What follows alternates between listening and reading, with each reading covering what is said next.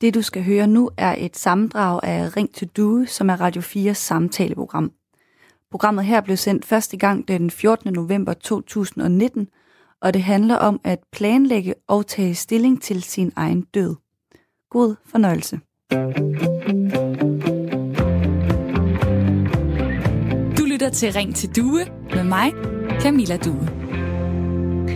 For nylig der gik jeg en tur på en øh, kirkegård, som lå i forlængelse af en park. Og her øh, så jeg på gravstenene, at der var en del sten, hvor der stod ikke kun de afdødes navne, men også deres titel. For eksempel øh, overlæge Peter Hansen eller øh, tidligere borgmester Jens Jul. Og så sagde jeg til min kæreste, at øh, det skal der ikke stå på min gravsten, men måske kunne man skrive et eller andet med, øh, Camilla kunne lide at snakke med alle. Det er faktisk en meget fin øvelse lige at få tænkt over, hvad man egentlig gerne vil øh, huskes for. Hvis alt går vel, og øh, statistikken passer, så er der omkring 50 år til min begravelse. Jeg er 29, gennemsnitsalderen for kvinder i Danmark er 83 år. Men på en eller anden måde, så kan man jo sige, hvorfor ikke få det tænkt igennem nu? Altså, man ved jo aldrig, 7, 9, 13. Så hvorfor ikke tage snakken nu for en øh, sikkerheds skyld? Lige nu er der nogle forskellige strømninger i vores samfund. Der er dem, der rigtig meget forholder sig til deres død. For eksempel ved at planlægge deres egen begravelse, hvad de vil have på i kisten. Bedemænd har øh, fortalt til politikken, at de oplever, at danskerne i stigende grad vil sætte deres eget præg på deres død. For eksempel vil Annelise Nielsen på 94 år have sin pink spacerdragt på, med guldknapper. Det kunne man læse i øh, politikken den anden dag. Så er der også den modsatte tendens. Ifølge en undersøgelse fra det Nationale Sorgcenter, så har mere end hver fjerde dansker svært ved at tale om døden. Og mere end halvdelen oplever, at døden er et tabu. Nu vil jeg gerne spørge dig, der lytter med. Har du tænkt over eller planlagt, hvad der skal ske med dig, når du dør? Eller vil du hellere overlade beslutningerne til nogle andre? Og hvorfor det? Så øh, vil jeg også gerne høre, hvad mit lytterpanel siger til det her. Det er Adam og Jan. Hej med jer. Hej. Goddag, goddag. Goddag, goddag. Jan Holst, du er 39 år. Du øh, bor i Aalborg, arbejder i forsvaret som officer, har kone og en datter på et år. Kan lide friluftsliv, en god whisky og veteranbiler. Adam Blikker, du er 28 år, du bor i Odense, du er sportspsykologisk konsulent og tilknyttet det eksterne netværk i Team Danmark. Du har en kæreste, kan lide at øh, spille tennis, kan godt lide frustration og at lære mennesker at kende. Adam, hvorfor, øh, hvorfor giver det mening at fortalt om døden? Jamen, jeg synes grundlæggende, at det giver, det giver rigtig meget mening at tale omkring døden, fordi det var sådan en fin lille eksempel, jeg synes, du gav til at, at starte med det her med at forholde sig til, hvad er det egentlig, man gerne vil blive husket for? Nogle af os kunne måske ønske evigt liv, og alle dem, vi elsker, ikke skal have fra en dag. Men jeg synes også, der er noget smukt ved det her med, at vi har en begrænset tid på jorden, i hvert fald med respekt for forskellige religioner. Det jeg tror på er, at vi har et enkelt liv, og når vi kun har et enkelt liv, og vi ikke ved, hvornår vi skal dø, synes jeg også, det tvinger os til at forholde os til, jamen, hvem vil jeg gerne være, mens jeg lever, og hvordan kan jeg få det bedst muligt ud af den tid, jeg har på jorden. Jan, hvad siger du til, at øh, døden, det er dagens emne? Jeg synes, det er, jeg synes, det er rigtig, rigtig øh, godt. Øh, det, der er jo en, øh, en slags tabu omkring, øh, omkring døden, og, øh, og det tror jeg er, det tror jeg, det er sundt at prøve at nedbryde, øh, fordi øh, jeg, tror, jeg tror egentlig ikke, det er, øh, det er godt, at vi ikke tænker på, øh, hvad kan man sige, end state.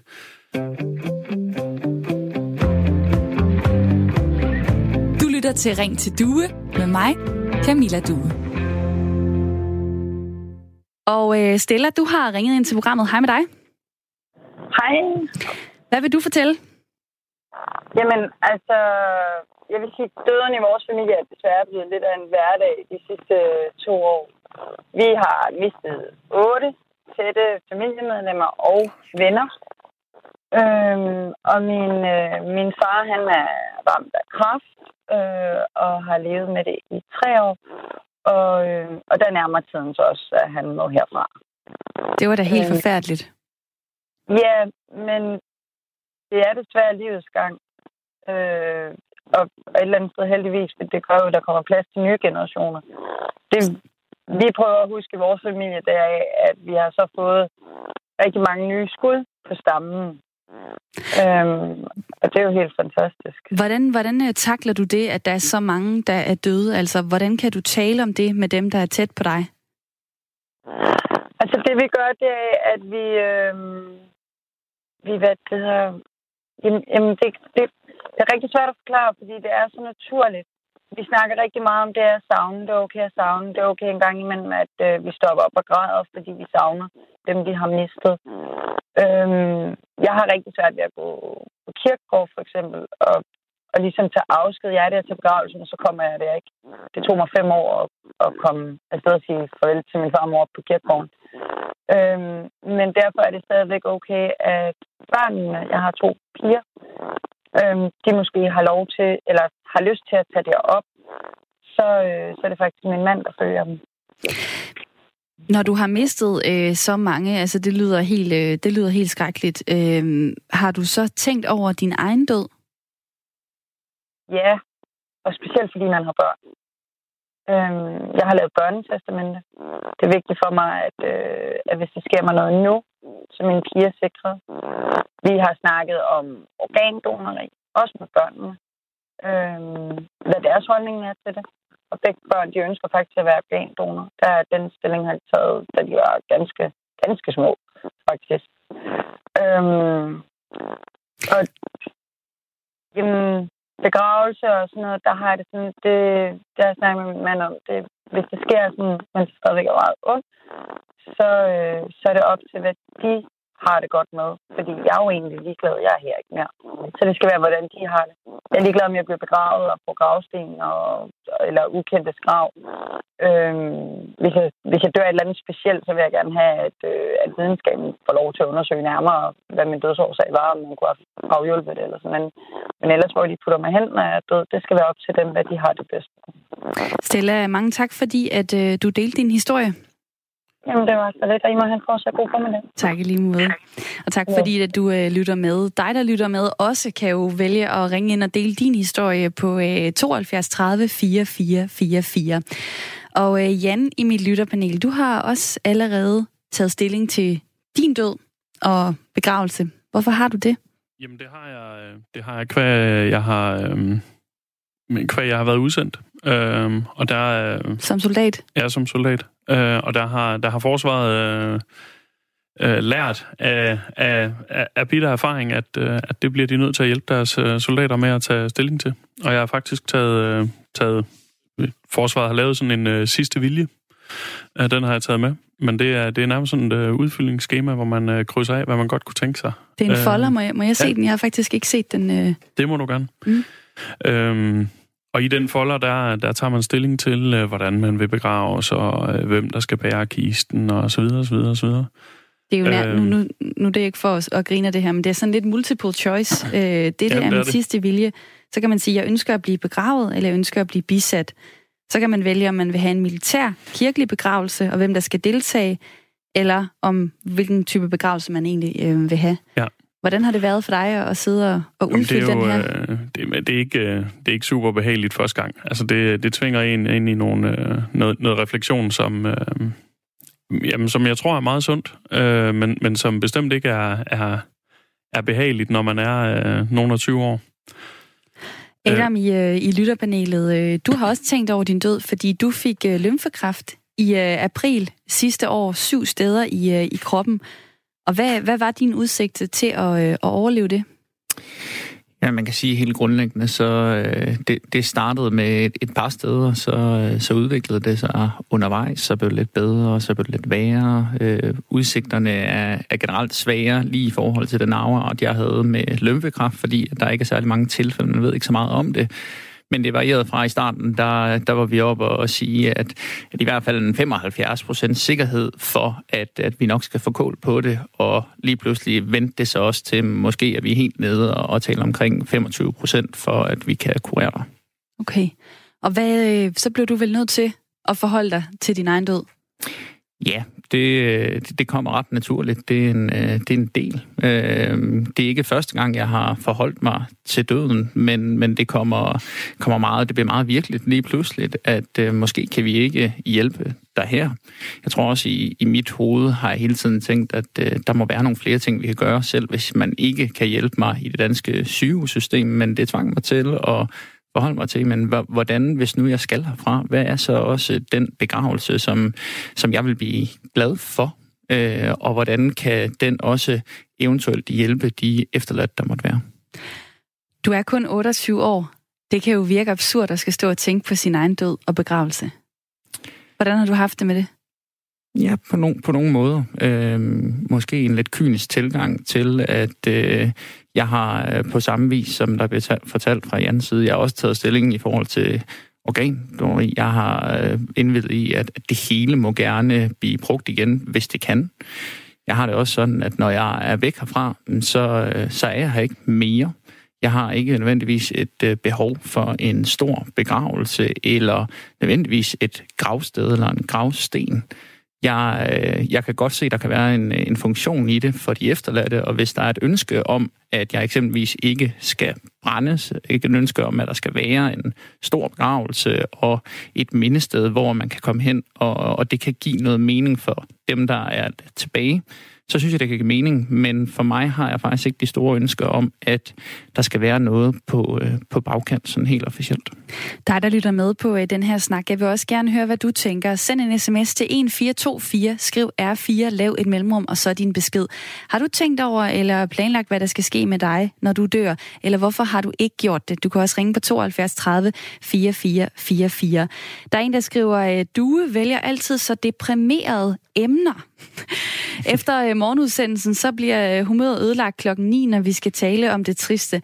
Og der vil jeg bare sige, at jeg tager rigtig gerne imod øh, forslag om mere øh, mundre emner. Det kan du øh, skrive til mig, der der har sendt en sms på øh, ring til radio4.dk. Fordi det taler vel lidt ind i, altså Jan, den her, øh, folk kan ikke lide at tale om døden. De synes ikke, det er sjovt. Og det, det er det jo heller ikke. Nej, det er det ikke. Uh, men, det, men det er super relevant. Altså, man kan, jo, man kan jo gemme sig alt det, man vil, men den skal nok finde en. Og uh, altså, det, det kan godt være en lille smule... Uh, det kan godt være en lille smule uh, flabet, uh, men, men, men min holdning er, at, uh, at hvis man ikke, uh, hvis man ikke tager, tager stilling, så, øh, så, så skubber man jo bare den holdning, eller den, øh, den beslutning til, øh, til ens efterladte, og det, det er da sådan forholdsvis egoistisk. Vil du lige øh, fortælle, hvor konkret du blev? Altså nu, du har fortalt om den her min sidste vilje øh, folder, som du øh, gav mig lige før. Hvor, hvor konkret, hvad kan du fortælle om din begravelse, hvis du skal herfra? Jamen, jeg kan, jeg kan fortælle, at jeg vil, jeg vil brændes, og, øh, og jeg kan jeg kan fortælle, at, øh, at, jeg, at jeg ikke ønsker noget øh, stort, øh, stort gravsted, men det er ikke, det er ikke, det er ikke vigtigt for mig. Hvis, hvis, hvis der er et stort ønske fra min familie, så må de da gerne give mig et stort gravsted. Så kan jeg, så kan jeg fortælle, at jeg har valgt, hvem der skal bære kisten. Og, Ved de det? Nej, det gør de ikke. Hvorfor ikke? Og det får de heller ikke at vide. Hvorfor ikke? Fordi det synes jeg, det er det er et å, som, øh, som jeg ikke synes, øh, de skal, de skal have nu. Men, øh, men det skal heller ikke være min øh, nærmeste, der skal øh, sidde i den situation og skulle vælge, hvem det skal være. Nu øh, har jeg ringet til en, der har prøvet at være øh, bange for døden. Det er dig, Kasper. Hej. Hej, hej. Kasper Farhold, du er 30 år, du bor i København, og øh, der var en periode i dit liv for øh, nogle år siden, hvor du oplevede at blive mere og mere bange for din død. Hvad, hvad var det, der skete? Øhm, jeg tror, det var, fordi jeg blev mere og mere voksen, og øh, hvad kan man sige, der var også nogle, der var der jo nogle, nogle altså min farfar døde for øh, fire-fem år siden, og min mormor fik kraft, og så var der nogle øhm, dødsfald, som jeg hørte om, som altså en, som havde været fuld og fået hjertestop, og, og så der var nogle forskellige dødsfald, som jeg hæftede mig med. Øhm, og så gik det ligesom op for mig, at øh, dem, jeg kender og mig selv, ikke nødvendigvis kan gå og regne med, at øh, vi bliver gamle. Øh, og det ved jeg ikke, hvorfor det lige pludselig gik op for mig der, men øh, i de sådan, teenageårene havde jeg ikke rigtig skænket det nogen tanke. Og det, det blev ud i en grad, hvor, hvor man kunne tale om en slags dødsangst, og derfor så, så besøgte du en, øh, en psykolog. Hvad, hvad gik ja. op for dig der? Det, det var jo også mest, fordi jeg er journalist, og det var også sådan en journalistisk, øh, et journalistisk projekt. Øh, men det var jo også, det var, man kan sige, det var jo en undskyldning for at gå til psykolog, øh, for mm-hmm. for det lidt mere, øh, hvad kan man sige, for at finde ud af, hvad det egentlig handler om. Og øh, han, han gjorde det jo klart, at det jo er dybt irrationelt at gå og frygte det, vi alle sammen skal udsættes for. Øh, og det er jo også, men det er jo så dødsangsten sådan kerne, at det er, den er jo irrationel, og den, den er jo ulogisk, og fordi man sidder op i et fly og tænker, at tænk, hvis jeg styrter ned, men, men altså, hvor mange fly styrter jo ned, og tænk, hvis jeg som på det tidspunkt 27-årig får kræft, og så tænker jeg, eller så kigger jeg på statistikker, og der er ikke så mange 27-årige unge, raske mænd, som får kræft, øh, og sådan, og så, så er det jo, at man ligesom kan, kan se det. Jeg, jo, jeg, jeg synes også, at jeg betragter mig selv som en ret rationel type, øh, bortset fra den her del af mig. Øhm, og, og det synes jeg ikke, det harmonerer ikke med, hvordan jeg ellers sådan går og opfatter mig selv. Så, så det var egentlig det, han jo, hvad kan man sige, satte ind i mit hoved, var jo, at øh, altså, der er jo ikke noget altså, konkret at være bange for. Jeg tager lige det, du sagde øh, før med videre øh, til en i mit ja. lytterpanel, der hedder Adam. Han er 28 år. Han har faktisk haft øh, lymfekræft. Adam, hvad, ja. hvad tænker du, når du øh, hører det, som øh, Kasper fortæller her? Jamen, jeg tænker, at, øh, at dels så er der noget i det, som, øh, som Kasper også har fået at vide hos psykologen i forhold til rationalitet og irrationalitet. Uanset hvad der er på spil, så må vi også sige, at vores, vores hjerne, den, øh, den har ikke udviklet sig så mange, meget de sidste mange tusind år. Og det er stadigvæk øh, krybdyrdelen af hjernen, der er på spil. Så selvom vi nogle gange godt logisk set kan overvise os selv om, at flyet styrter ikke ned, eller jeg bliver ikke ramt, jamen, så er det ikke sikkert, at den, den følelsesmæssige del af hjernen er med på det. Og, øh, og hvis man, øh, man egentlig lige skal trække tilbage igen til, øh, til, til noget af det, der bliver talt om fra, øh, fra Stella, jamen, så, så er der også noget i, jamen, om altså, det er okay, at det, det ubehagelige eksisterer. Der var også lytterkommentaren i forhold til, at det er altid sådan nogle deprimerende emner, der kommer op. Jamen, måske i virkeligheden er det noget med os, at hvis vi ikke forholder os til det nu, hvis vi ikke lader det være, der accepterer der både af gode og dårlige tanker, om man vil. Altså lidt ligesom vejret, at jeg synes det også, det, det er mest spændende at være udenfor, når solen skinner. Men jeg skal også kunne lære at være i regnen. Der er en, der skriver en øh, besked på øh, sms'en. Det er Peter, der skriver, hvad er det egentlig, du gør, øh, der gør, at du betegner døden som værende tabubelagt? Det er jo ikke et spørgsmål om, det ikke er sjovt, som du siger. Det handler om, det er et trist emne, og det er ikke nødvendigvis det samme som et tabu. Jeg vil bare sige, det som jeg øh, refererede i starten af udsendelsen, det er en undersøgelse fra det Nationale Sorgcenter, som har spurgt danskerne. Og der er det altså, at mere end halvdelen i den undersøgelse oplever, at døden er et øh, tabu i samfundet. Det var derfor, at jeg lige nævnte øh, det tal. Og øh, Kasper Faghold, som stadig er med på, øh, på telefonen, det du så gjorde, da du havde været til psykolog, det var at gå sådan, øh, jeg vil næsten sige, anti-tabu. Altså, du skrev din egen øh, dødsannonce. Ja. Det lyder, ja. det lyder jo crazy. Jamen, det var det også. Øh, og jeg, jeg øh, foreslog øh, ham, min psykolog, at øh, den skulle at dødsdatoen skulle være en dato, vi havde passeret. Men så sagde han, at hvis det kunne fremkalde et eller andet i mig, så synes han, at det skulle være en dato ude i fremtiden. Og så øh, snakkede vi lidt om det, og så var det jo, at han kom med det mest, nej, det mest rationelle, jeg havde hørt, og det var jo det der med, at han på tavlen skrev øh, sin søns navn, og så øh, skrev han selvfølgelig, dør i en forfærdelig ulykke i dag. Og det vækker jo et eller andet i os, sådan, så føler vi, at vi har et vis ansvar for det, når han har skrevet det. Men så efterfølgende skrev han, sin søns navn, og så vinder en million i lotto i dag. Og så sagde han, at det er der jo lige så stor sandsynlighed for. Og det er da en meget øh, god måde at stille det op på. Ja, og det, har vi ingen, det føler vi ingen ansvar over for, hvis han vinder en million i lotto. Men vi føler et vis ansvar over for det, hvis vi har skrevet det ned, og han så dør i en forfærdelig ulykke. Og det, det var det mest rationelle, jeg har hørt den dag, og egentlig måske stadigvæk har hørt nogensinde. Fordi det er jo, det er jo øh, hvad kan man sige, det er jo i hvert fald det, jeg tog med derfra, at Altså uanset hvad vi tænker og føler. Altså det er jo, det er jo klogt nok at gå til lægen, og vi føler et eller andet, men, men, men mere skal man jo ikke gå rundt og være bange for at, øh, at dø. Kasper Farholdt, det var dejligt, at du blev med i programmet. Tak for det. Det var så lidt. 30 år og øh, bor i øh, København, og der er også nogle øh, lyttere, der reagerer på øh, det, de hører her. Nu tager jeg lige en øh, lytter med ind i snakken. Det er øh, Nadim. Hej med dig. Hej. Du er 45 år, du er fra øh, Herlev, øh, og du har ringet ja. ind til programmet. Hvorfor? Jo, fordi at, øh, nu hvor jeg hører folk, som der har den der store angst, så, så, så jeg tænker, måske jeg kan hjælpe med en lille trøst. Fordi i 99, der blev jeg spået. Og ham, der spåede mig, jeg vil virkelig sige, den mand, han var genius. Og det mener jeg virkelig. Fordi manden i 99, der forudsagde han, ved at bare kigge min hånd, der forudsagde han 9-11, og hvem der skulle være næste præsident for USA, og hvem der skulle være næste statsminister for Danmark. Og det hele holdt dag. Og han fortalte mig mange ting, og det var så spændende, at jeg kom til at spørge om hele mit liv, og spørge meget mere. Og turde tur, du, at, tur, du at spørge ham, øh, hvornår skal jeg dø? Ja. Og hvornår altså, er det altså, så? Det spurgte jeg også. Han sagde, at jeg bliver cirka 80 år. Og du er 45 og det i dag? meget godt. Ja, og hvis jeg ser det som med mine øh, forældre, min far han blev 80 år, da han døde.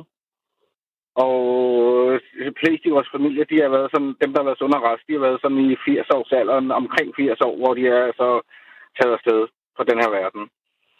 Hvad gør, det egentlig, hvad, også, hvad gør det egentlig for dig, at du ved så, at, øh, og du stoler på, at du bliver 80 år?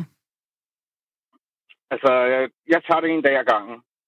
Og det, der skal ske, det, som jeg skal leve igennem mit liv, det skal jeg leve igennem. Og hvis jeg bliver 80 år, 7, 9, 13, tak vil jeg sige til skæbnen, at jeg er nået den alder, hvor jeg ser mine børnebørn og alt muligt måske. Ikke? Og, men øh, alligevel, han sagde, at øh, jeg har et liv mere. Og jeg skulle møde ham i næste liv også, der vil vi være venner. Det var da en dejlig uh, historie, Nadim. Tak fordi, at uh, du ringede ind på, uh, på uh, telefonnummeret 72 30 44 44. Og den vil jeg godt lige sende ind i, uh, i studiet her til mit lytterpanel, Jan og uh, Adam. Der er jo øh, noget, øh, jamen der er jo, kunne, kunne være noget overtro i det her, altså som kunne hjælpe en til at sige, jamen øh, nu finder jeg ro i, at jeg ved, at jeg bliver gammel, for eksempel. Ja, ja det, altså, det, det tror jeg, at der, der kan være masser af, af, af ro i. Øhm, personligt, så, så tror jeg også, at det, det er derfor, vi har øh, religion. Øhm, og, og det er egentlig også øh, grunden til, at jeg, jeg har det sådan rimelig, rimelig trygt ved at sige, at jeg er, øh, jeg, jeg, jeg er kristen. Men jeg tror ikke på et liv efter døden. Er det egentlig ikke meget dejligt at få sådan et andet perspektiv ind i den her dødssnak? Altså det her med, at øh, hvad der foregår inde i hovedet, og hvad man tror på, det kan være med til at ændre, hvordan man ser på døden. Jo, jeg synes, at øh, jeg tænker egentlig, at, at det, det er et sjovt indspark, der, der kommer på den måde. At Nadima fortæller sig selv en, en historie, som jeg også tror, der, der hjælper ham i sit liv og hjælper med at skabe mening. Frederik Nietzsche taler omkring sådan Guds død i takt med, at der er færre troende, end der var tidligere. Og, og nogle gange tror jeg, at, at det kan det her med, at, at der er færre, der, der er troende, det kan gøre, at der nogle gange opstår noget meningsløshed.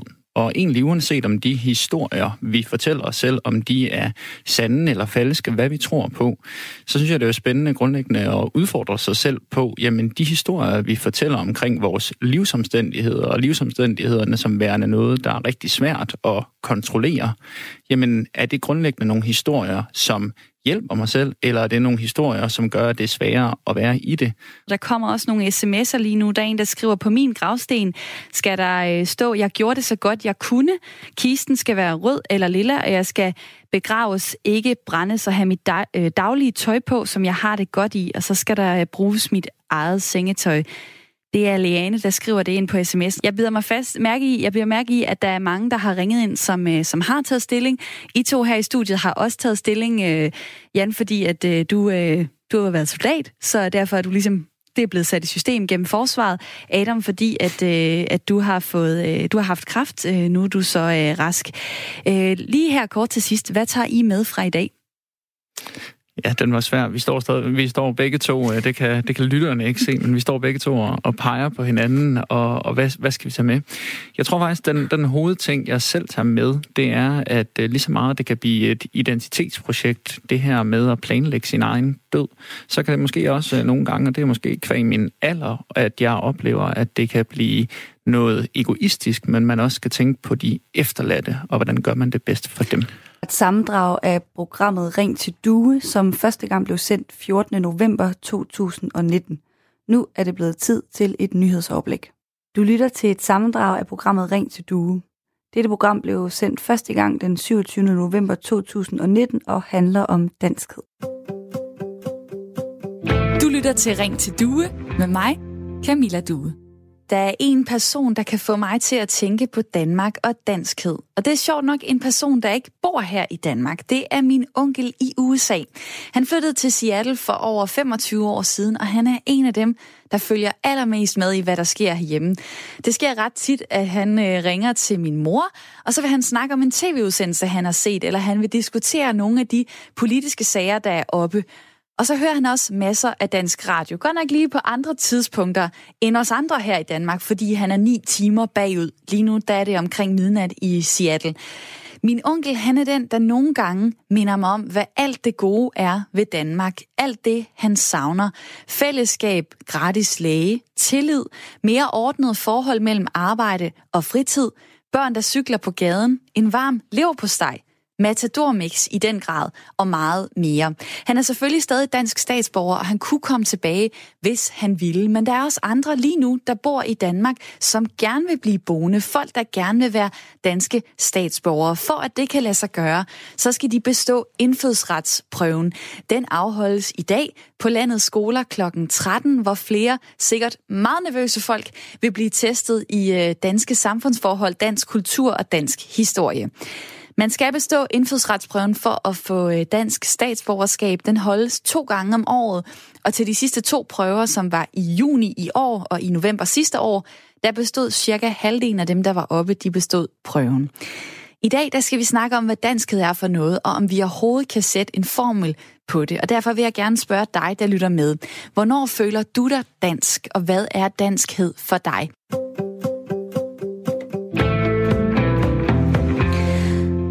Og mens I skriver og ringer ind, så vil jeg sige hej til mit lytterpanel i dag. Det er Christian og Karen. Hej med jer.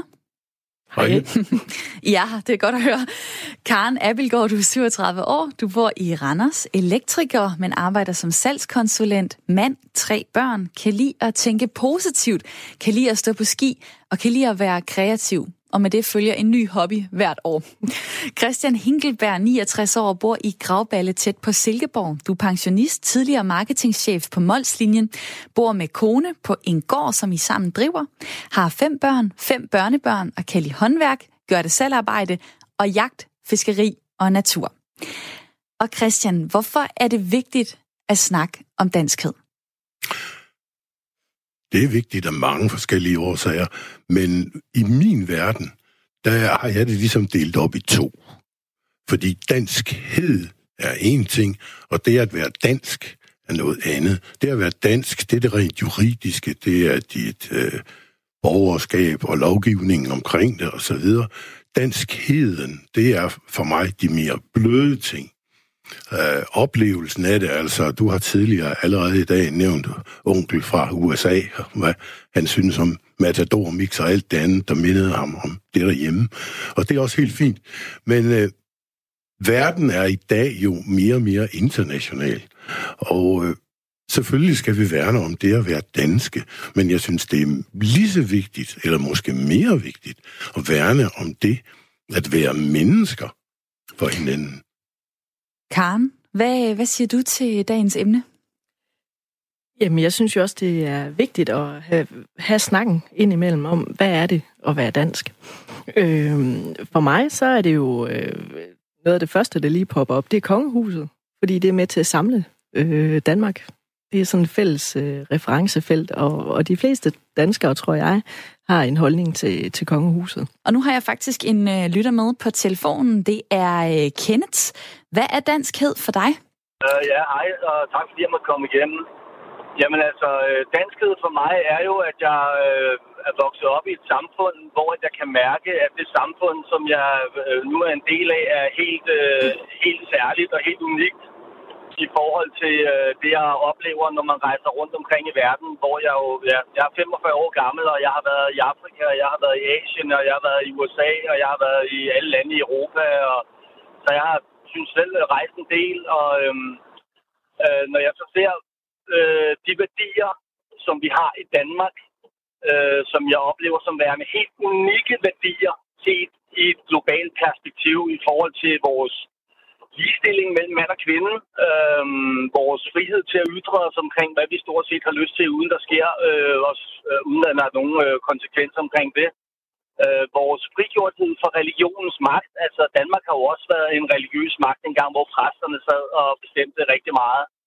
Øhm, det gør det. Det har vi ikke længere. Vi har ikke længere øh, øh, en, en, en religiøs magt, som, øh, som overvåger os og laver social kontrol på, på hvad vi mener og tænker.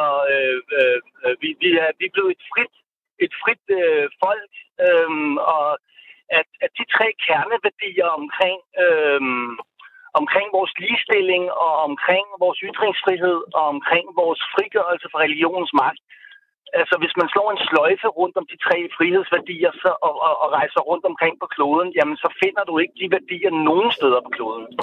Kenneth, altså, nu, kommer, Asien... nu kommer jeg med et svært spørgsmål til dig, fordi jeg har noget, der hedder danskhedslisten, som jeg står med her.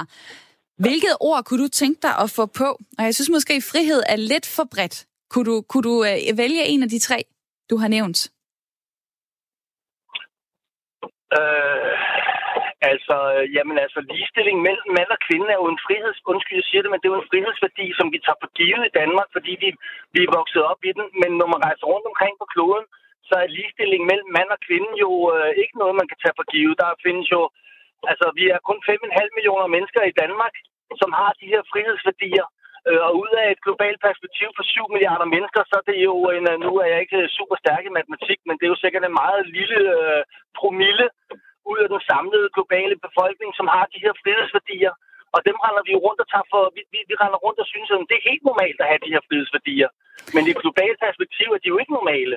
Kenneth, det er jeg øhm, rigtig glad for, at, øh, at du ringede ind og, og delte øh, med os på 72 30 44 44. Og jeg kunne nemlig godt lige øh, tænke mig at, øh, at tage den pointe videre til mit øh, lytterpanel. Øh, nu startede jeg også med det her, det her eksempel på min onkel, der rejser ud og ser Danmark på afstand. Har I oplevet noget af det samme? Altså, at det er der, man virkelig finder ud af, hov, danskhed, det er noget særligt. Ja, altså jeg må nok sige, Kenneth her, han er meget spot on på det hele, for øh, han har jo ret i alt, hvad han siger. Og øh, mange af de ting oplever du, når du tager ud i den store verden, og du behøver ikke at køre ret langt væk, før tingene er anderledes, end de er her i Danmark. Så øh, han har fuldstændig ret. Vi lever i en del af verden, hvor der er fornuftig orden på det meste. Dermed ikke være sagt, at der ikke er ting i Danmark, der kan laves om. Men øh, det er fuldstændig rigtigt, at vi skal være klar over de privilegier, vi har, og vi skal værdsætte de privilegier, vi har, naturligvis. Karen, hvor, hvor nemt og hvor svært synes du, det er at putte øh, danskhed på en formel? Jamen, hvor nemt og hvor svært. Øh, igen, altså Kenneth, han finder jo det helt rigtige ord. Øh, religionsfrihed, det er jo et kæmpe privilegie. I Danmark må vi tro på lige, hvem vi, hvem vi vil, eller hvad vi vil. Og vi er lige meget værd af den grund.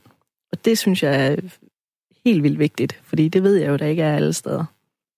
Og så er han også inde omkring øh, ligestilling. Det var altså den, jeg tog ham på ordet øh, på og, og skrev på listen ligestilling mellem øh, mænd og kvinder. Der øh, vil jeg godt lige øh, øh, bringe en pointe ind, som jeg har læst mange steder, det er, at vi, vi er ligestillet, men alligevel til en vis grad, fordi vi har det her omkring barsel, der stadig hænger. Øh, vi har noget omkring øh, lønforskel. Vi, vi siger, vi er så ligestillet, men vi er det i hvert fald ikke 100, vi er 50-50 eller 100 procent, hvordan man formulerer det endnu. Kan I genkende det, at, at, at det er en dansk ting, at vi kan godt lide at sige, ej, hvor er vi fantastiske. Vi, det kører bare med klatten. Jeg kan godt forstå dit spørgsmål der, men sådan synes jeg nu ikke lige, det er.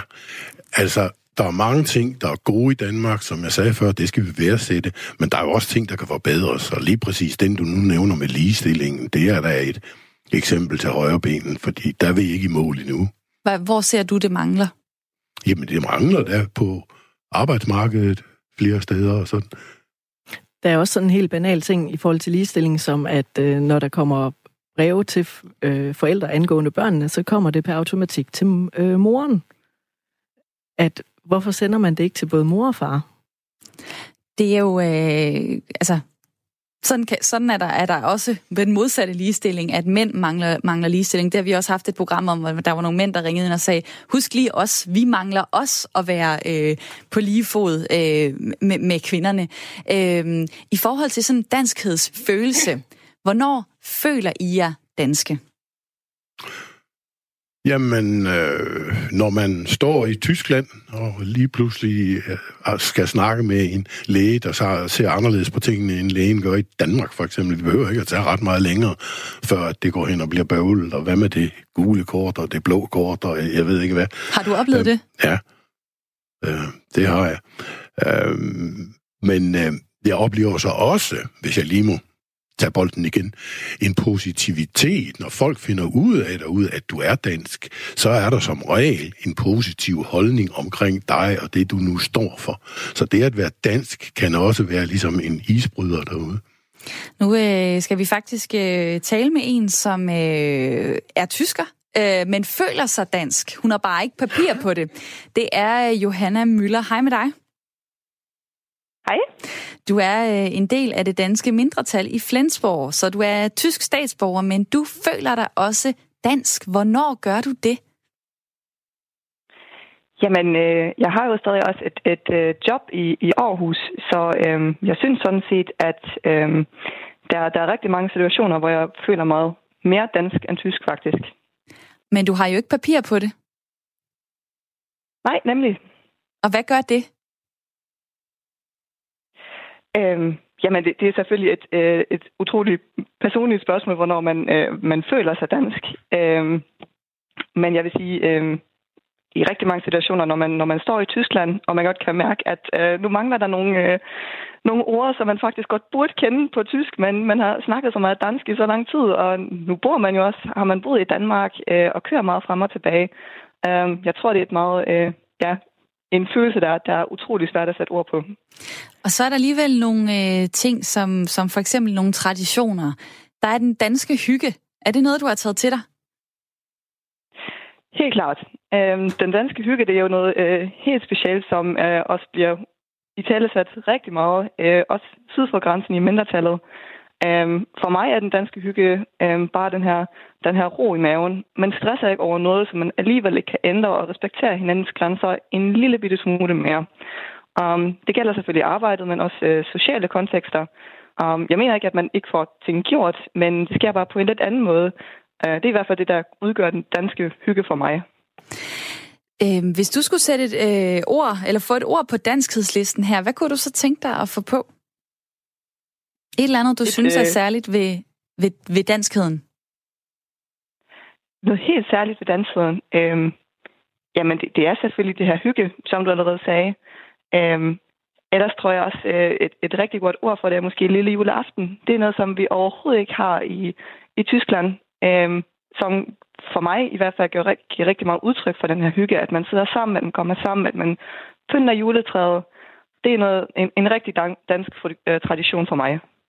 Lige nu der har du så kun tysk statsborgerskab, men du arbejder så i, i Danmark. Kunne du overveje at, øh, at tage den her indfødsretsprøve, øh, som der er mange, der skal øh, senere i dag, for at få statsborgerskab?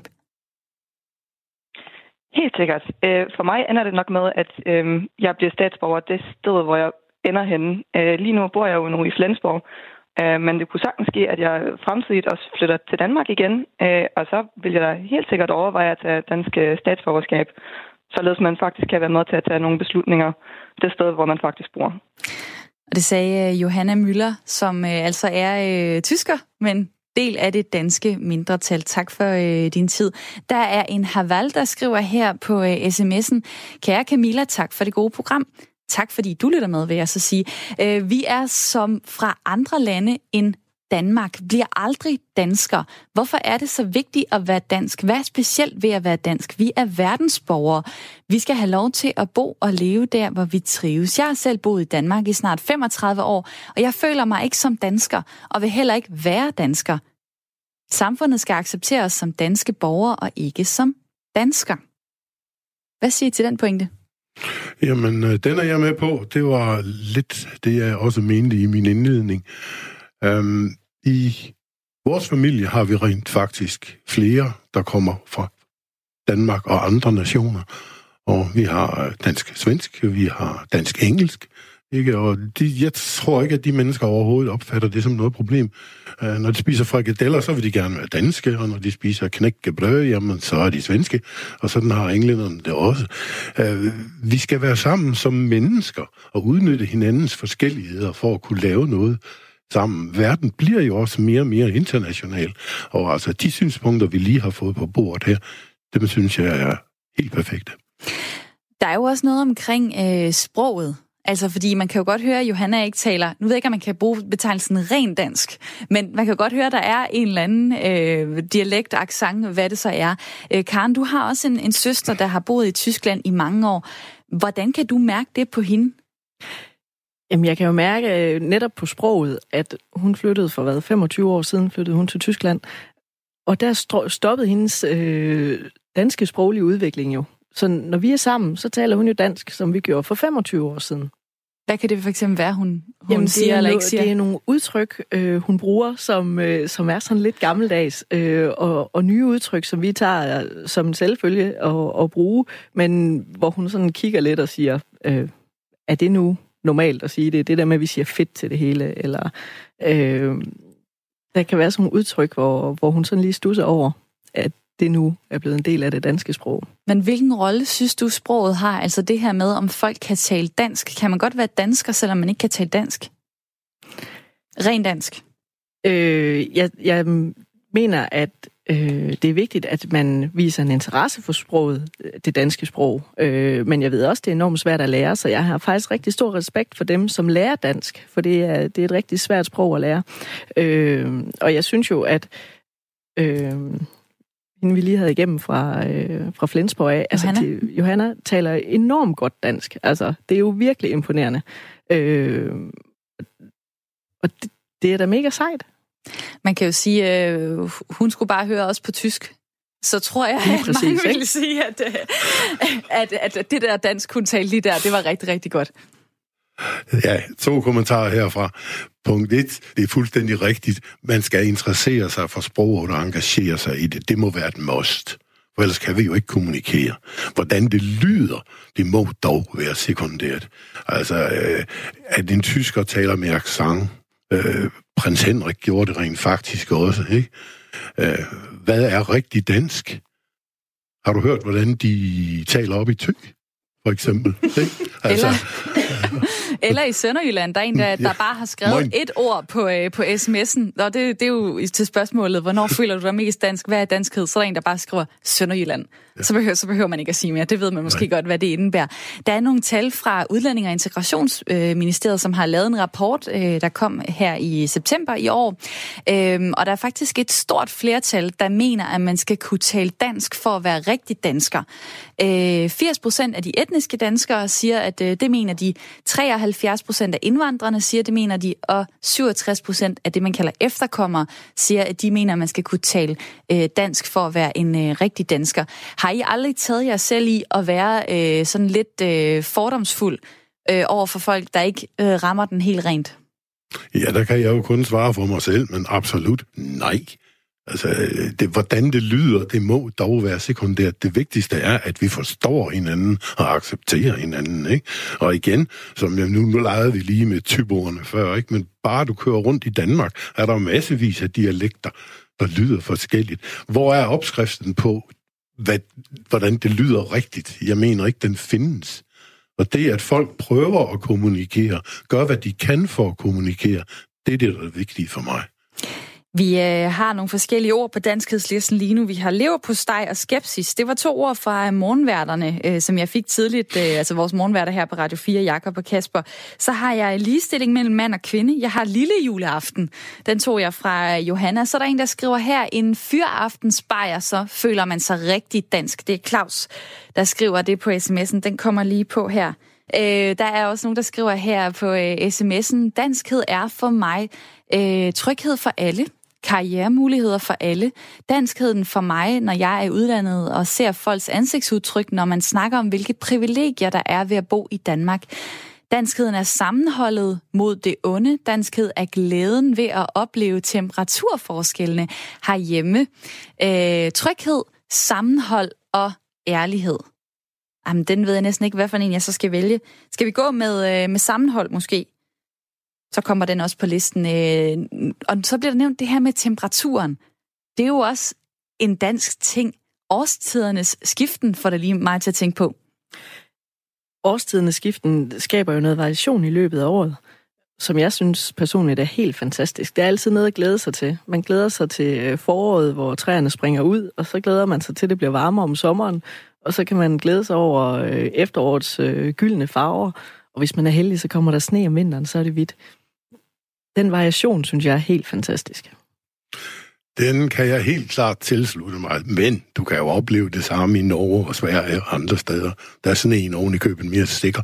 Men altså, den variation, der er i overgang, ja, den er meget, meget væsentlig. Det er jeg enig med dig i. Altså, prøv og at den tage... finder man jo ikke alle steder. Nej, nej. Prøv at tage til Madeira, ikke? Der er der 24 grader året rundt. Der er faktisk rigtig mange, der skriver, at det er jo dejligt. Øh, Hej Camilla, danske ord. Det kunne være højskole og foreningsliv. Det vigtigste ved at være dansker er vores demokratiske fundament. Vi får det ind med modermælken, og derfor tænker vi slet ikke over, hvor fundamentalt det er for os. Udlændinge kommer til Danmark og lærer om demokrati på højskole øh, for at blive integreret, men det er jo ikke noget, man får i blodet på et halvt år. Det skriver Anne Mette på øh, sms'en. Så er der en Per fra Odense, der skriver, vi er verdens centrum Bare se verdenskortet. Vi er ikke ude i siden. Danmark, men Danmark glemmer Grønland og Færøerne. Ikke engang vejrudsigten for Danmark omfatter øerne. Det skriver Per for Odense. Så har jeg en øh, meget dygtig producer, der sidder og følger med her i øh, programmet. Hun skriver til mig, måske skulle jeg lige nævne for Per, at øh, man typisk køber kortet øh, i det land, hvor man er fra, og derfor så, øh, så ligger landet øh, på kortet i centrum. Og det får jeg til at flække grin her i studiet. Hvorfor det? Karen? Jamen, jeg synes bare, den er lidt sjov. Jamen, det er den da også.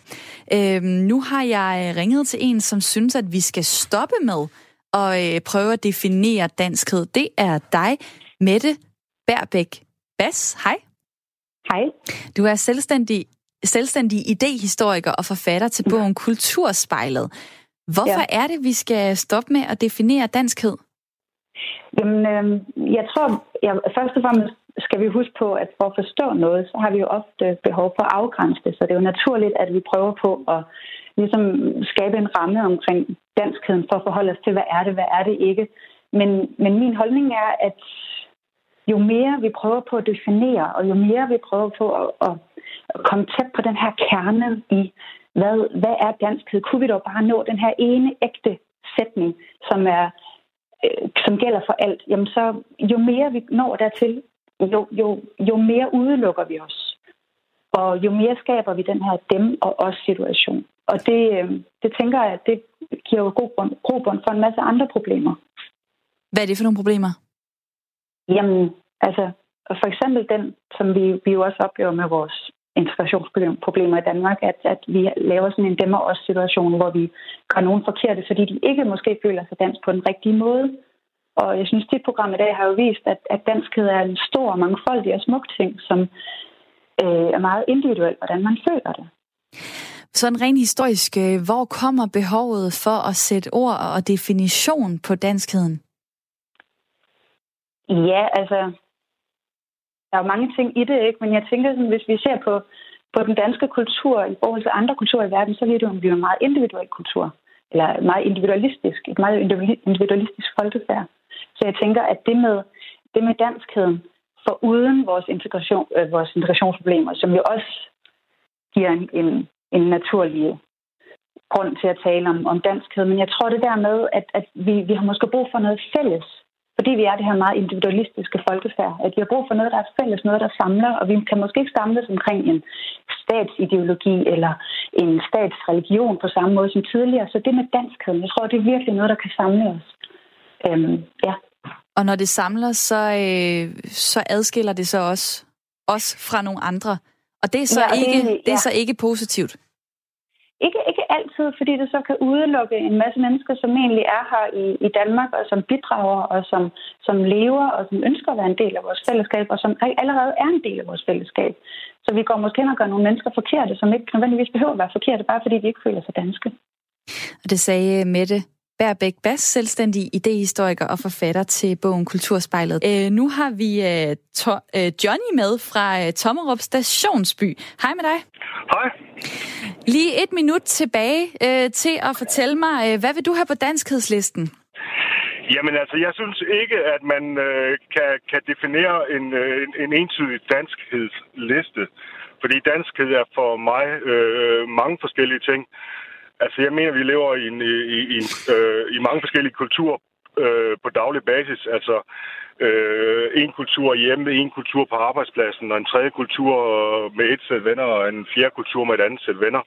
Så, så hvad hedder det... Øh, jeg, tænker, jeg tænker mere, at, at, at omfavne det danske, det, må, det, må, det er for mig at se at være en del af løsningen på det danske samfund, at man gerne vil bidrage øh, øh, positivt til, at samfundet udvikler sig Johnny, i den rigtige retning. jeg må stoppe dig nu, ja. fordi at, øh, vi skal ja. have nyheder lige om lidt. Men jeg skriver forskellige kulturer på. Er det okay med dig? Ja, det, det må godt. gerne. Øh, nu kommer danskhedslisten her. Lever på steg, skepsis, ligestilling mellem mand og kvinde, lille juleaften, fyreaften, spejer, og det er altså en dansk hof, har Claus skrevet ind på sms igen.